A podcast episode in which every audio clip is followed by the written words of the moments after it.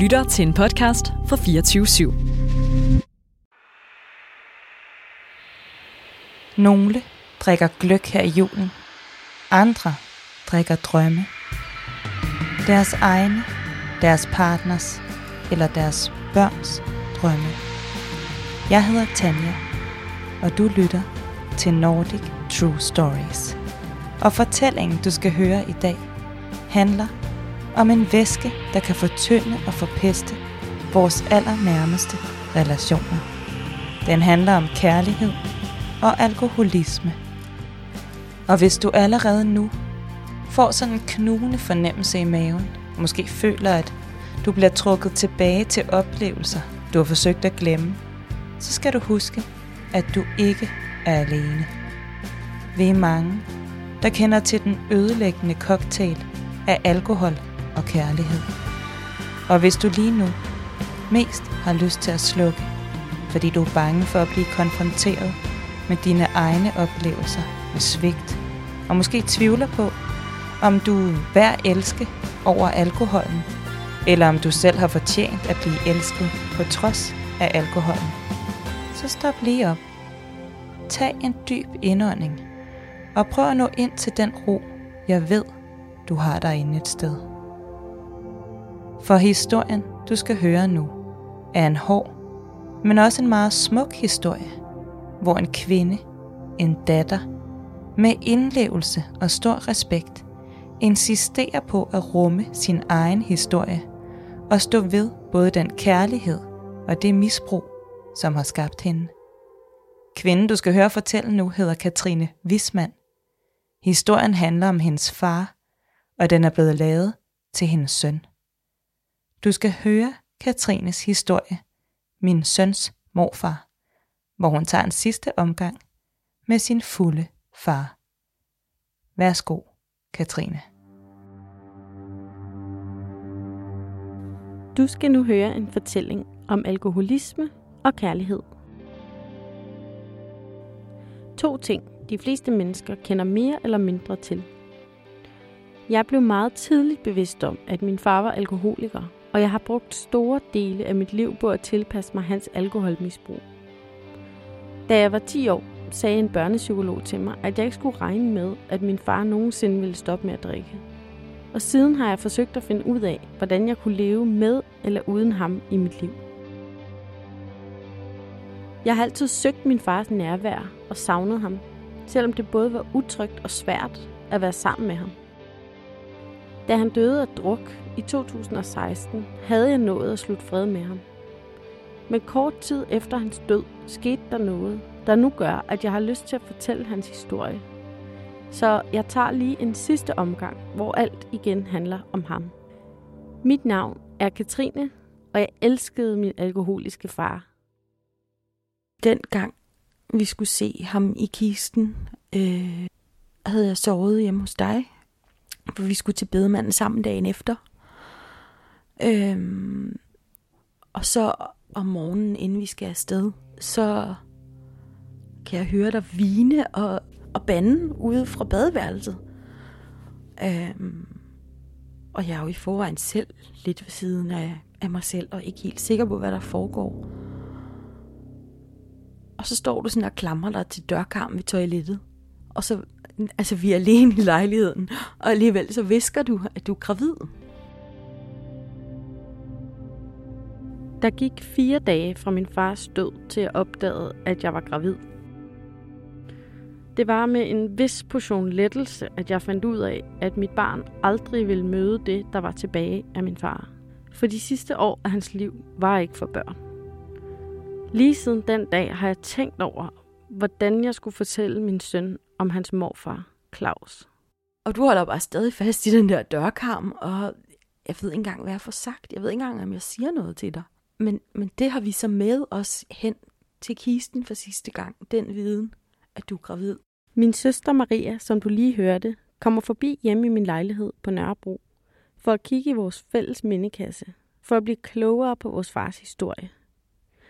Han havde rigtig mange gode kort på hånden, men af en eller anden grund fik han smidt dem alle sammen væk. Oh. Grete og Kurt Wisman, som er fjerde generation, flankerer femte generation Claus, som måske bliver den næste, der skal føre forretningen videre. Ej, og så bare det her billede. Jeg vidste faktisk ikke, han var femte generations bedemand. Jeg troede, han var fjerde. Min farmor og farfar var bedemænd og ejere af Vismands begravelsesforretning i Roskilde. Forretningen blev grundlagt i 1854, og billedet, som min søster og jeg kigger på, er fra en avisartikel i anledning af begravelsesforretningens 125 års jubilæum. På billedet sidder min far ved skrivebordet i bedemandsforretningen, med min farmor og farfar stående forventningsfuldt på hver sin side af ham. Han er 20 på det her billede, står der i artiklen. Shit, er han ikke ældre? Om femte generation skal føre videre er endnu ikke bestemt, men muligheden er der, fordi Grete og Kurt Wismans 20-årige søn Claus arbejder i øjeblikket på prøve i firmaet. Okay. Lige indtil den dag, min far døde, havde han et svært forhold til sin mor, Grete. Han kunne ikke nævne hende, uden at vende hvide ud af øjnene, og jeg har altid fået at vide, at min farmor var utrolig striks og styrede både familien og forretningen med hård hånd. Det ville selvfølgelig være rart, hvis Claus vil overtage, men det bliver helt hans egen beslutning, siger Grete og Kurt Wisman. Men det var det jo så ikke alligevel. Nej. Min far sagde tit, at han ikke ville barbere sit røde 80'er overskæg af, fordi han var bange for at ligne sin mor uden skægget. Og jeg fik altid indtryk af, at det værste, han kunne forestille sig, var at ligne sin mor. Det er bare så dystert. Fjerde og femte generation af en bedemandsforretning. Altså, Hvad er det, der er dystert ved det? mm, stivheden, synes jeg. Jeg ved, at min far synes, det var svært at vokse op med sine forældre. Men jeg har aldrig talt særlig meget med ham om det. Og min farmor og farfar var ikke særlig snaksalige, mens de levede. Derfor skal jeg tale med en, der også var i bedemandsforretningen, og som nok var den, som kendte min far bedst af alle. Min mor, Jene. Jeg beslutter mig for at køre en tur til Slagelse, hvor hun bor med sin nuværende mand.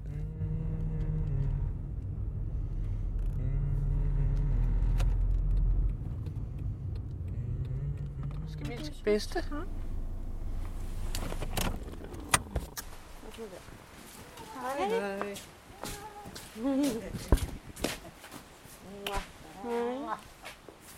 Mine forældre møder hinanden i 1984 i en dykkerklub. Min far er 26 år og arbejder som bedemand, og han bor på første salen hos sine forældre i Roskilde. Efter et par år i dykkerklubben begynder han at gøre kur til min mor, der er 25 år og bor med sin første datter i en lejlighed i København. Altså første gang, jeg sådan egentlig så ham på den måde, var fordi, at han øh, sendte blomster til mig derinde, hvor jeg boede. Øh, blomster og breve og sådan meget vedholdende. Og der var jo en stor veltalenhed. Han var virkelig god til at tale og til at formulere sig og til at være følelsesmæssigt øh, nærværende og lyttende og forstående. Og, og, og, og så havde han den der evne, det han altid har haft til at øh, sådan vise, sige, gøre noget, som om jeg var bare det 8. vidunder. I was the one. Det er jo altid dejligt. Og min mor bliver hurtigt forelsket. Og så var han også sådan øh, meget aktiv. Altså, han havde jo gang i alt muligt med, med dykkerklubben, med undervandsjagt og undervandsrugby, og ja, sejlede i speedbåd og kørte bil, og altså, De bliver kærester, og min mor bliver gravid med min storesøster Maria. Men der går ikke længe, før hun begynder at fornemme, at det måske ikke bliver helt, som hun havde forestillet sig. Altså, jeg vil sige, at jeg havde masser af håb, men jeg var også urolig. Det var jeg. For jeg synes ikke, det bare var nemt. Jeg synes faktisk, det allerede ikke var nemt, mens jeg var gravid og boede i København. Jeg blev jo ret hurtigt gravid. Øhm, og så var det meningen, at Claus jo skulle være der, men for det første kunne han ikke lide København, og han brød sig, at han ville aldrig nogensinde bo i København. Og det blev bare sådan noget med, så kom han ind forbi et par timer her og der, og jeg følte mig faktisk rimelig ensom. Og så var det så, at vi købte det hus mellem Køge og Roskilde, som lige, lige var det, vi begge to drømte om. Huset i Brordrup, der senere skal blive mit barndomshjem, ligger isoleret fra omverdenen, uden synlige naboer og med en stor skov i baghaven og masser af plads til at udfolde sig i naturen. I de første år, det var faktisk meget dejligt. Altså, der kom han hjem, bare sådan lige ind imellem kvarter, en halv time i arbejdstiden, og bare lige sagde hej, og lige, hvordan går det, og du ved, sådan, det var rigtig hyggeligt. Men altså, hverdagen, det var sådan noget med at stå op og få ham op, altså, det var altid noget med at hive ham med op, så han kunne være med til at få jer med op. Altså, det var jeg overtog ham jo efter hans far og mor, ikke? Altså, jeg blev jo den næste mor, faktisk. Mine forældre blev gift i sommeren 1988. Ni måneder efter brylluppet kommer jeg til verden, og derefter får min mor arbejde i bedemandsforretningen. Men det går ikke gnidningsfrit, for min far og min farmors forhold slår gnister. De skændtes højligt. Jeg kan huske en gang, hvor, hvor Claus og Kurt var på ferie sammen, og der var Grete altså mild og blid og kærlig og sød og alt muligt. Men altså, så snart de var i stue sammen eller i hus sammen, så skete der et eller andet. Min far drak allerede for meget, da jeg blev født. Han fortalte mig tit historien om, hvordan han bestilte en guldøl til sig selv og en stærk kop kaffe til min mor, dengang hun havde vejer og ventede på at kunne føde mig. Det kunne bare have været en enkelt guldøl til nerverne. Men det var det ikke. I starten var der, var der nogle flasker, som så... Nå, pludselig lå der nogle flasker ude i garagen, pludselig lå der nogle ude i brændeskuret og sådan lidt rundt omkring, og i bilen, og han kendte ikke til noget at. Han vidste aldrig, hvor det var kommet fra, og det var nok på en jagt, eller det var sikkert for længe siden, eller... Men så synes jeg, jeg begynder at se noget, kan se noget på hans gang, og jeg prøver sådan at registrere, om andre ser noget, men ingen siger jo noget, og ingen har jo sagt noget. Så der gik lang tid, hvor jeg tænkte, ah, det skulle også bare mig, der ser syner, altså. Og han overbeviste mig om, at jeg så syner, og det ikke var sandt, og han ikke havde drukket, og ja.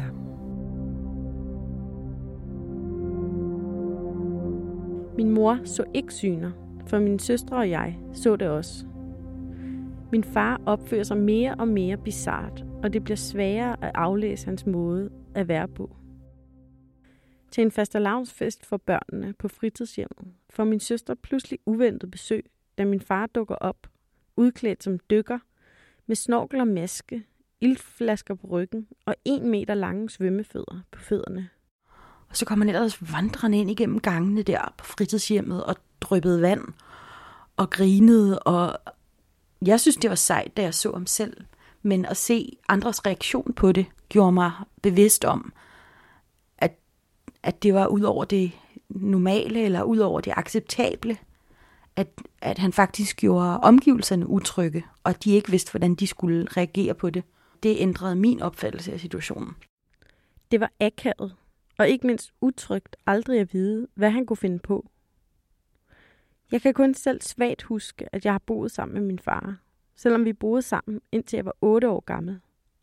Men det er alt sammen meget sløret, så jeg spørger min mor om, hvordan hun egentlig oplevede ham som far derhjemme. Altså, der er ikke tvivl om, at han elskede sin familie og elskede sine børn, og, men, men det der med at være nærværende og være til stede i mere end nærmest splitsekunder, det var han altså ikke god til.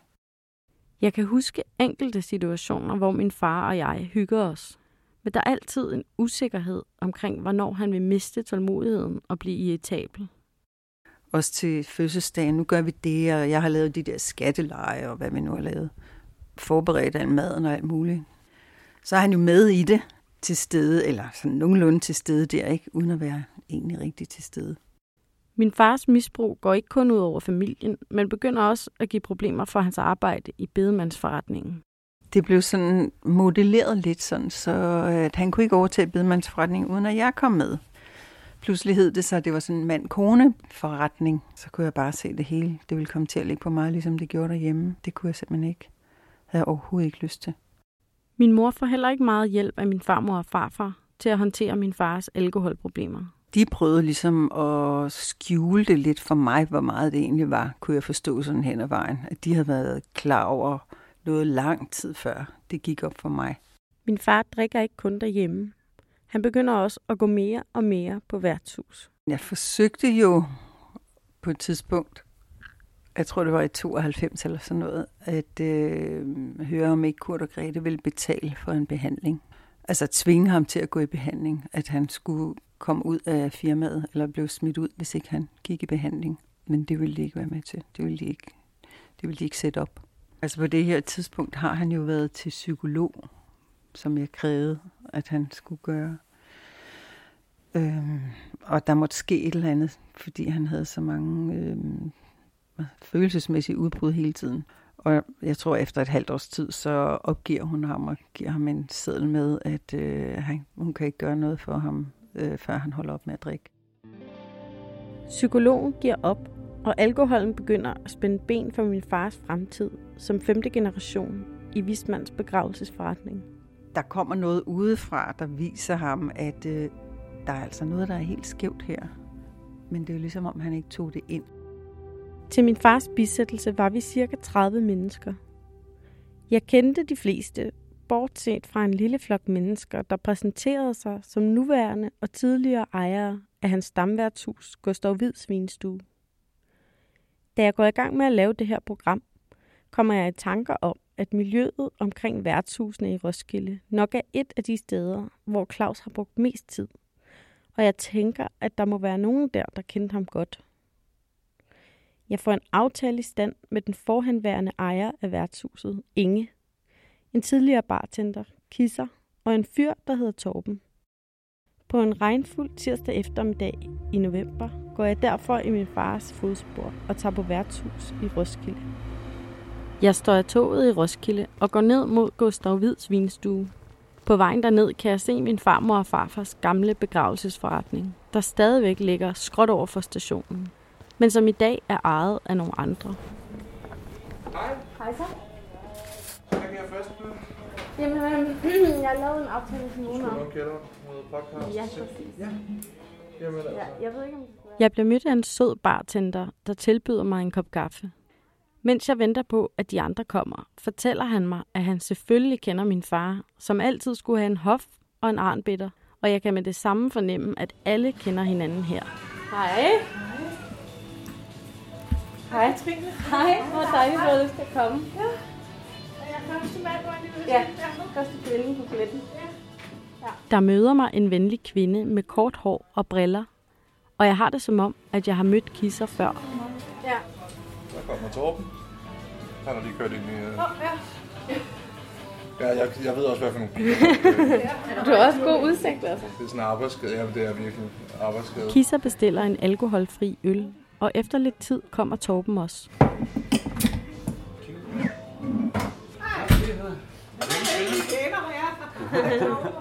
Hej. Hyggeligt at møde dig. Det er lige måde. Ja, sidst jeg så dig, der var du cirka så høj. Ja, det kan jeg så ikke huske. Har det været her, tror du? Ja, er det nok ude hos jer? I Ude i? Brøndrup? Nå, okay. Ja. Ej, det er sjovt. Så er Claus og jeg har skønt med havlgøret Ja. Okay. ud over en lille sø og sådan noget dernede bag ved haven. Ja, men der var en mose nede i baghaven. Ja. Torben er imødekommende og har præcis samme 80'er overskæg og en guldkæde om halsen, som min far havde det. Og man fornemmer, at de har været unge samtidig. De kender hinanden tilbage fra dykkerklubben og har åbenbart kendt hinanden altid. Vi når knap nok at sige hej, før historierne vælter frem. Vi sætter os ned i kælderen, og efter lidt tid kommer Inge også. Hej. Hej. Hej. Ja,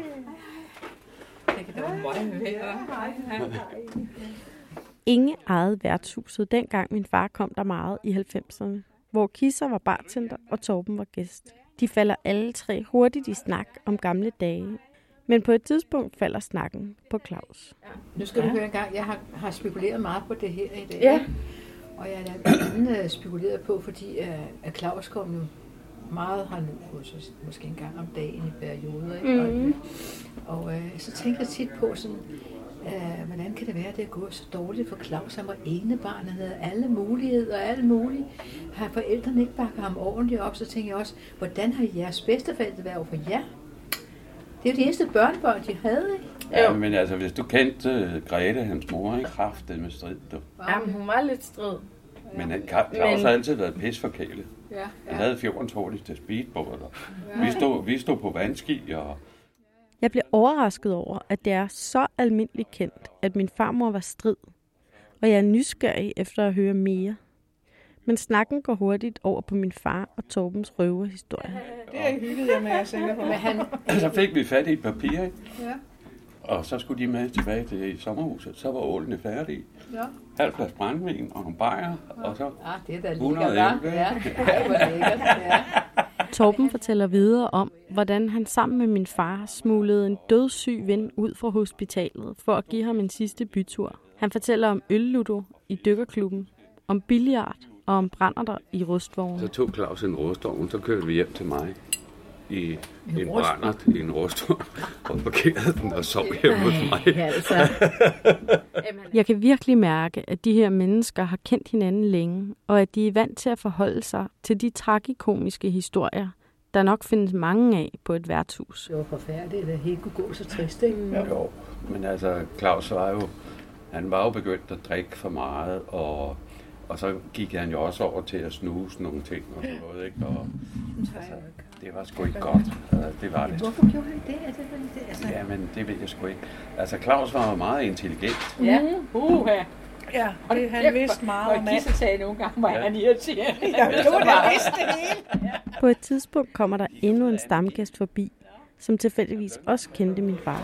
Det, det sjove ved din far var, at øh, selvom jeg anså ham for at være et sådan rimelig fredeligt gemyt, og øh, han, han var aldrig øh, uforskammet over for mig eller noget, men der var altså nogen, der lå sig provokere af ham. Ja. Kan du huske det? Ja, det kan jeg faktisk godt. Det var af og til, at han Ja. mødte op med blåt øje. Mm. Det var det altså.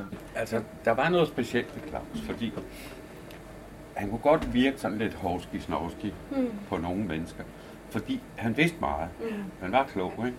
Og Han var sådan lidt urolig, når han stod ved baren. Ja. Sådan, ikke? Ja, ja. Ja, det er rigtigt. Han var meget rigtig rolig, ikke? Ja. Ja. Jeg ser ham for mig, ikke? Ja. Jo, jo. Bare sådan rolig. hurtige bevægelser. Ja, ja. Ja. Nå, hvor der var så, og ligesom om, nu skal jeg lige fortælle jer noget af det, der gør Ja, ja, ja. ja. ikke? Også når han kom gående, det var sådan meget ja, hurtigt. Altså Ja, ja. Ikke, ikke lange skridt, men sådan nogle små Ja. hurtige skridt. Ikke? Ja. Ja.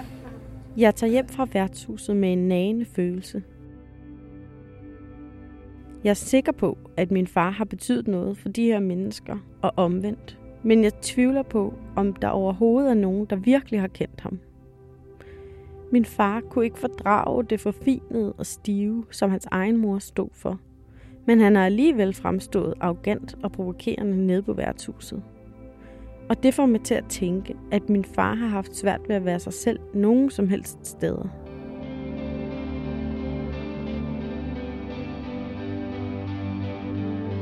Mine bedsteforældre sælger begravelsesforretningen i 1994. Forretningen har på det her tidspunkt været i Vismandsslægten i 140 år, men de tør ikke overlade det til min far alene, efter min mor har sagt op. Efter nogle år starter min mor på en daghøjskole, og der sker der noget, der får hende til at tage en afgørende beslutning. Det var fordi på den der daghøjskole, der kom der en, øh, en øh, AA'er, altså en tidligere alkoholiker, som fortalte om, hvordan det var at være alkoholiker. Og det var bare fuldstændig en kopi af mit og Claus' forhold. Altså alle løgnene, historierne, hvordan alting blev kørt helt ud.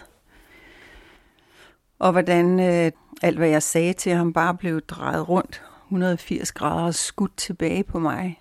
Øh, om det var som jeg faktisk har skrevet i en af mine dagbøger, det er en af de bedste dage i mit liv, fordi det gik op for mig, at jeg ikke var kugleskør. Så, ah.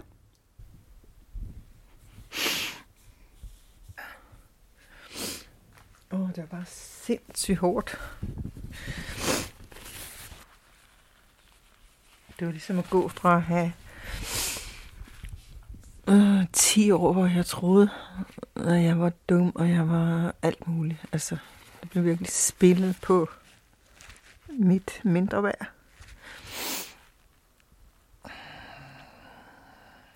Så det var virkelig befriende at høre. Det var ligesom en stor krig var slut på en eller anden måde, og efter det forstod jeg bare, at der var ingen grund til at gå ind i nogen diskussion, prøve at forklare noget, eller noget som helst. Så længe der var alkohol, førte det ikke til noget. Min mor beslutter sig for at lade sig skille fra min far. Hun sidder alene tilbage på landet med tre børn og uden en bil, for den har min far taget med hjem til sine forældre. Man siger, at man skal ramme bunden, før man kan indse, hvor langt ude man er. Men det er som om, at der ikke er nogen bund for min far.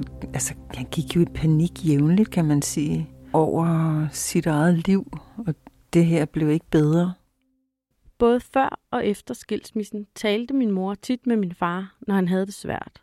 Og jeg har altid oplevet, at hun respekterede ham som menneske, uanset hvor såret og vred hun egentlig var, over hans måde at behandle os på. Min far anede ikke, hvor meget energi jeg brugte på at bekymre mig om ham og snakke om ham. Og han anede ikke, at hans liv var definerende for, hvordan resten af familien havde det. Han vidste grundlæggende ikke, at han betød noget som helst for nogen. Altså for hver gang jeg snakker med ham om, at du er nødt til at, vi er nødt til at skabe vores eget liv og finde ud af selv, hvad vi vil fylde ind i livet og gøre det godt og interessant og spændende og så videre. Jamen altså, der var ikke noget, og han var ikke, altså... Nu mere alkohol og alt muligt kom ind, nu mindre knist og gejst var der. Altså han elskede jo at fange fisk. Det forsvandt. Den knist og gejst forsvandt. Den blev ligesom druknet. Min far flytter ind i en lille etværelseslejlighed i Roskilde i 1998, og Maria og jeg begynder at besøge ham i weekenderne. Det var virkelig en lille etværelses, et eller andet omkring 35 kvadratmeter med minikøkken til den ene side og minitoilet til den anden, og med en hems, og så en koloenorm hjørnesofa, og fjernsyn hængende på væggen, og køleskab under sengen og et lille bitte skrivebord. På et tidspunkt får han natarbejde som industribager på Kobær Brødfabrik. Så måtte han jo tage to pakker vilkårligt brød med hjem.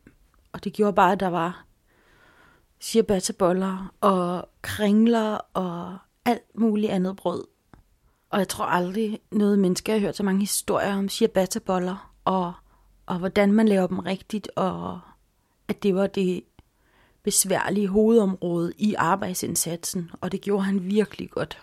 Og, og han var virkelig stolt af sin formåen som ciabatta-bollebager. Min far Claus er selvoptaget og intens at være sammen med.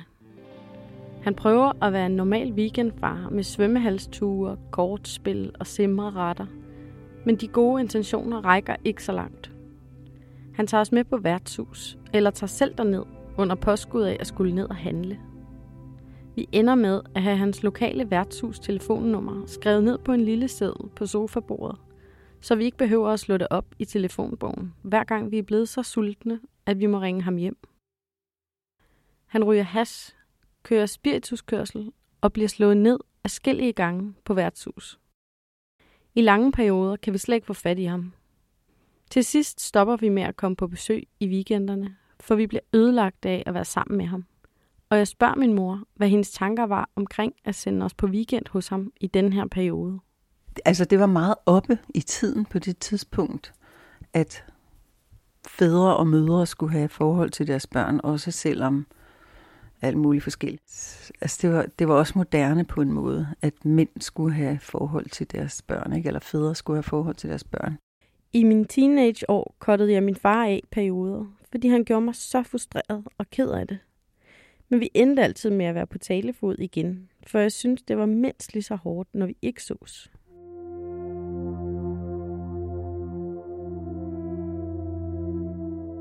Mine bedsteforældre dør af kræft med nogle års mellemrum, og det er især hårdt for min far, da min farfar dør i 2010.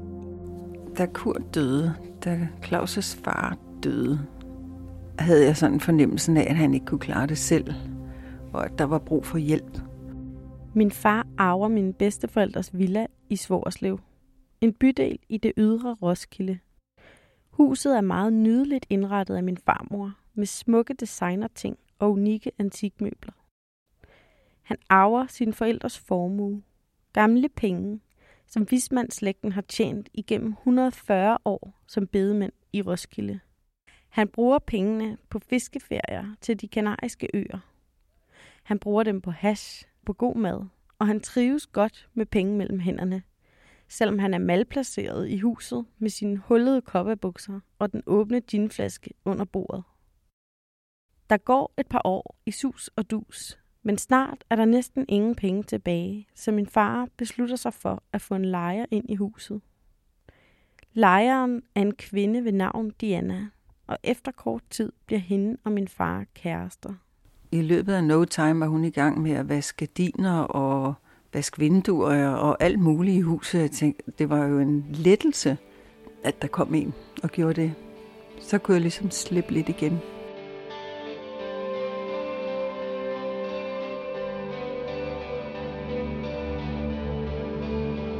Diana er en sød kvinde i starten af 40'erne, som hverken ryger eller drikker. Og det er rart for mig at tænke på, at min far ikke er alene. Men det lykkedes dem ikke at få det til at hænge sammen økonomisk, og kort tid efter er hele Vismand-formuen brugt op, og de må flytte fra huset. I årene efter min farfars død blev mig og min far tætte som aldrig før. Jeg gav slip på alle forventninger om, at han skulle være på en bestemt måde eller stoppe med at drikke. Han havde fået en respekt for mig, efter jeg var blevet voksen, og han vidste, at jeg ikke fandt mig i noget fra hans side. Altså efter vi blev skilt, tror jeg, han havde en lang periode, hvor han nærmest var i et hul. Så synes jeg først det her de sidste år, han lukkede op igen og var sådan til at komme i nærheden af. Og var mega stolt af jer begge to altså. I 2013 flytter Claus og Diana til en lille by ved navn Snollelev uden for Roskilde, hvor de bor til leje i et lille stråtægt hus. Diana arbejder, og min far får kontanthjælp, og de lever egentlig et forholdsvis fredeligt liv. Min far drikker stadigvæk og bliver mere og mere medtaget af sit misbrug. En dag på vej hjem fra en billiardturnering styrter min far på sin cykel og får en hjernerystelse. Han falder afskillige gange efterfølgende og slår sit hoved igen. Derfra går det meget stærkt ned ad bakke. Han kom til læge og blev hjernescannet og, og blev indlagt på hospitalet, hvor han faktisk ikke kunne mere overhovedet. Han kunne ikke selv overskue at få ringet til lægen eller få en taxa og køre derop. Og de kunne heller ikke selv, hverken ham eller Diana, overskue, hvor dårlig han egentlig var, som jeg så det. Min far bliver indlagt på sygehuset flere gange til afrusning og behandling. Han er blevet alkoholdement, så han husker ting forkert, og når det står slemt til, ser han ting, der ikke er der. Han har voldsom vitaminmangel, begyndende skrumpelever, blødende mavesår, svamp i spiserøret, kronisk nervebetændelse i benene, skrumpehjerne, delirium, inkontinens og infektioner, som lægerne ikke kan finde. Han er indlagt i ugevis, men så snart han vågner og kommer hjem, fortsætter han med at drikke. På det her tidspunkt er vi alle sammen klar over, at det er et spørgsmål om tid, før han dør. Min mor og jeg er i konstant alarmberedskab og kører ham til lægen og hospitalet på skift. Den 23. december, lille juleaften i 2015, har min far og Diana lavet julemiddag til hele familien. Min far går forsigtigt rundt i stuen og ligner en, der kan vælte når som helst. Hans sweater sidder omvendt på, så åbningen med lynlås er om i nakken, men han har ikke selv opdaget det. Han er ubarberet, og hans hår stritter til alle sider. Alle gør sig meget umage for at være rummelige, og stemningen er varm og nostalgisk. En måned senere, imens jeg er på ferie med min kæreste, siger hans krop endelig stop. Diana ringer og er helt øh, i panik og siger, Jena, Jena, Jena, Claus trækker ikke vejret. Og hun må lige komme hjem fra et eller andet, jeg ved ikke hvad. Og jeg siger ikke så meget, end en skynder lidt at ringe 112. Øh, og så lægger jeg på, og så sætter jeg mig bare ned i bilen. Jeg var her i huset, så sætter jeg mig bare ned og kører, hvad jeg kan. Hen til deres hus i Snollelev. Øh, og på lang afstand kan jeg allerede se, at ambulancen er der. Så jeg ved i hvert fald, at hun har fået ringet 112. Og øh, da jeg kommer ind, så kan jeg se ind gennem glasdøren i stuen, at han ligger inde på gulvet, på gulvtæppet. Og Diana, hun kommer mig bare grædende i møde, og, og jeg står og trøster hende længe. Og så kommer en af de der falkfolk ud og siger, at øh, der ikke er noget at gøre. Og at han regner med, at han nok har fået sådan en øh, blodstyrtning, eller at en blodår er sprunget i hans spiserør. Og at det nok har stået sivet længe, og det, han tror, det er det, han er død af. Og det er sådan en meget uvirkelig situation at være i. Altså, jeg kan, de prøver sådan at dække ham ind over, dække for ham. Han ligger der, han har kun skjort på, han har ingen bukser på, han har ingen underbukser på. Og det tager lang tid med Diana at få hende til ro, og så tager de ham med i lagen. Kører. Jeg kan huske, at jeg lå på mit stuegulv. Øhm,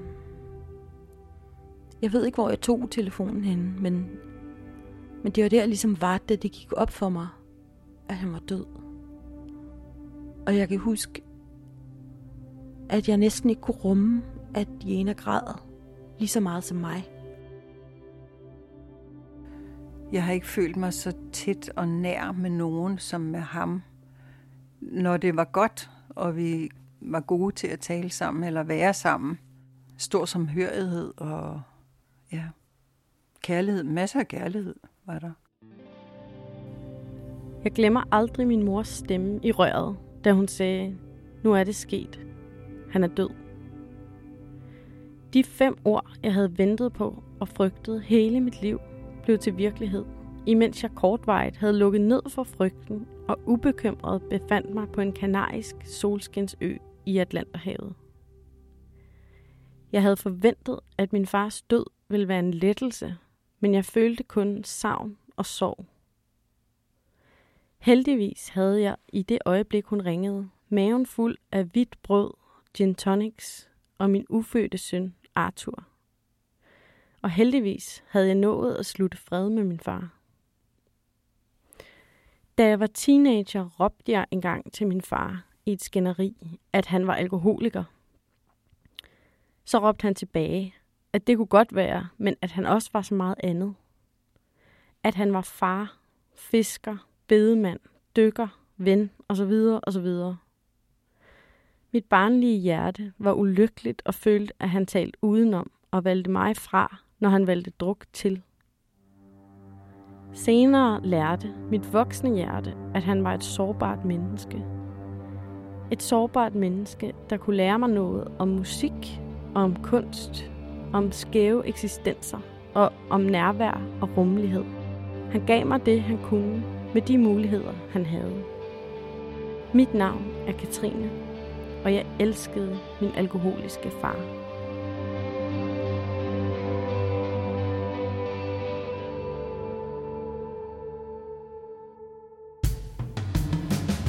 Her slutter Katrines historie om hendes far.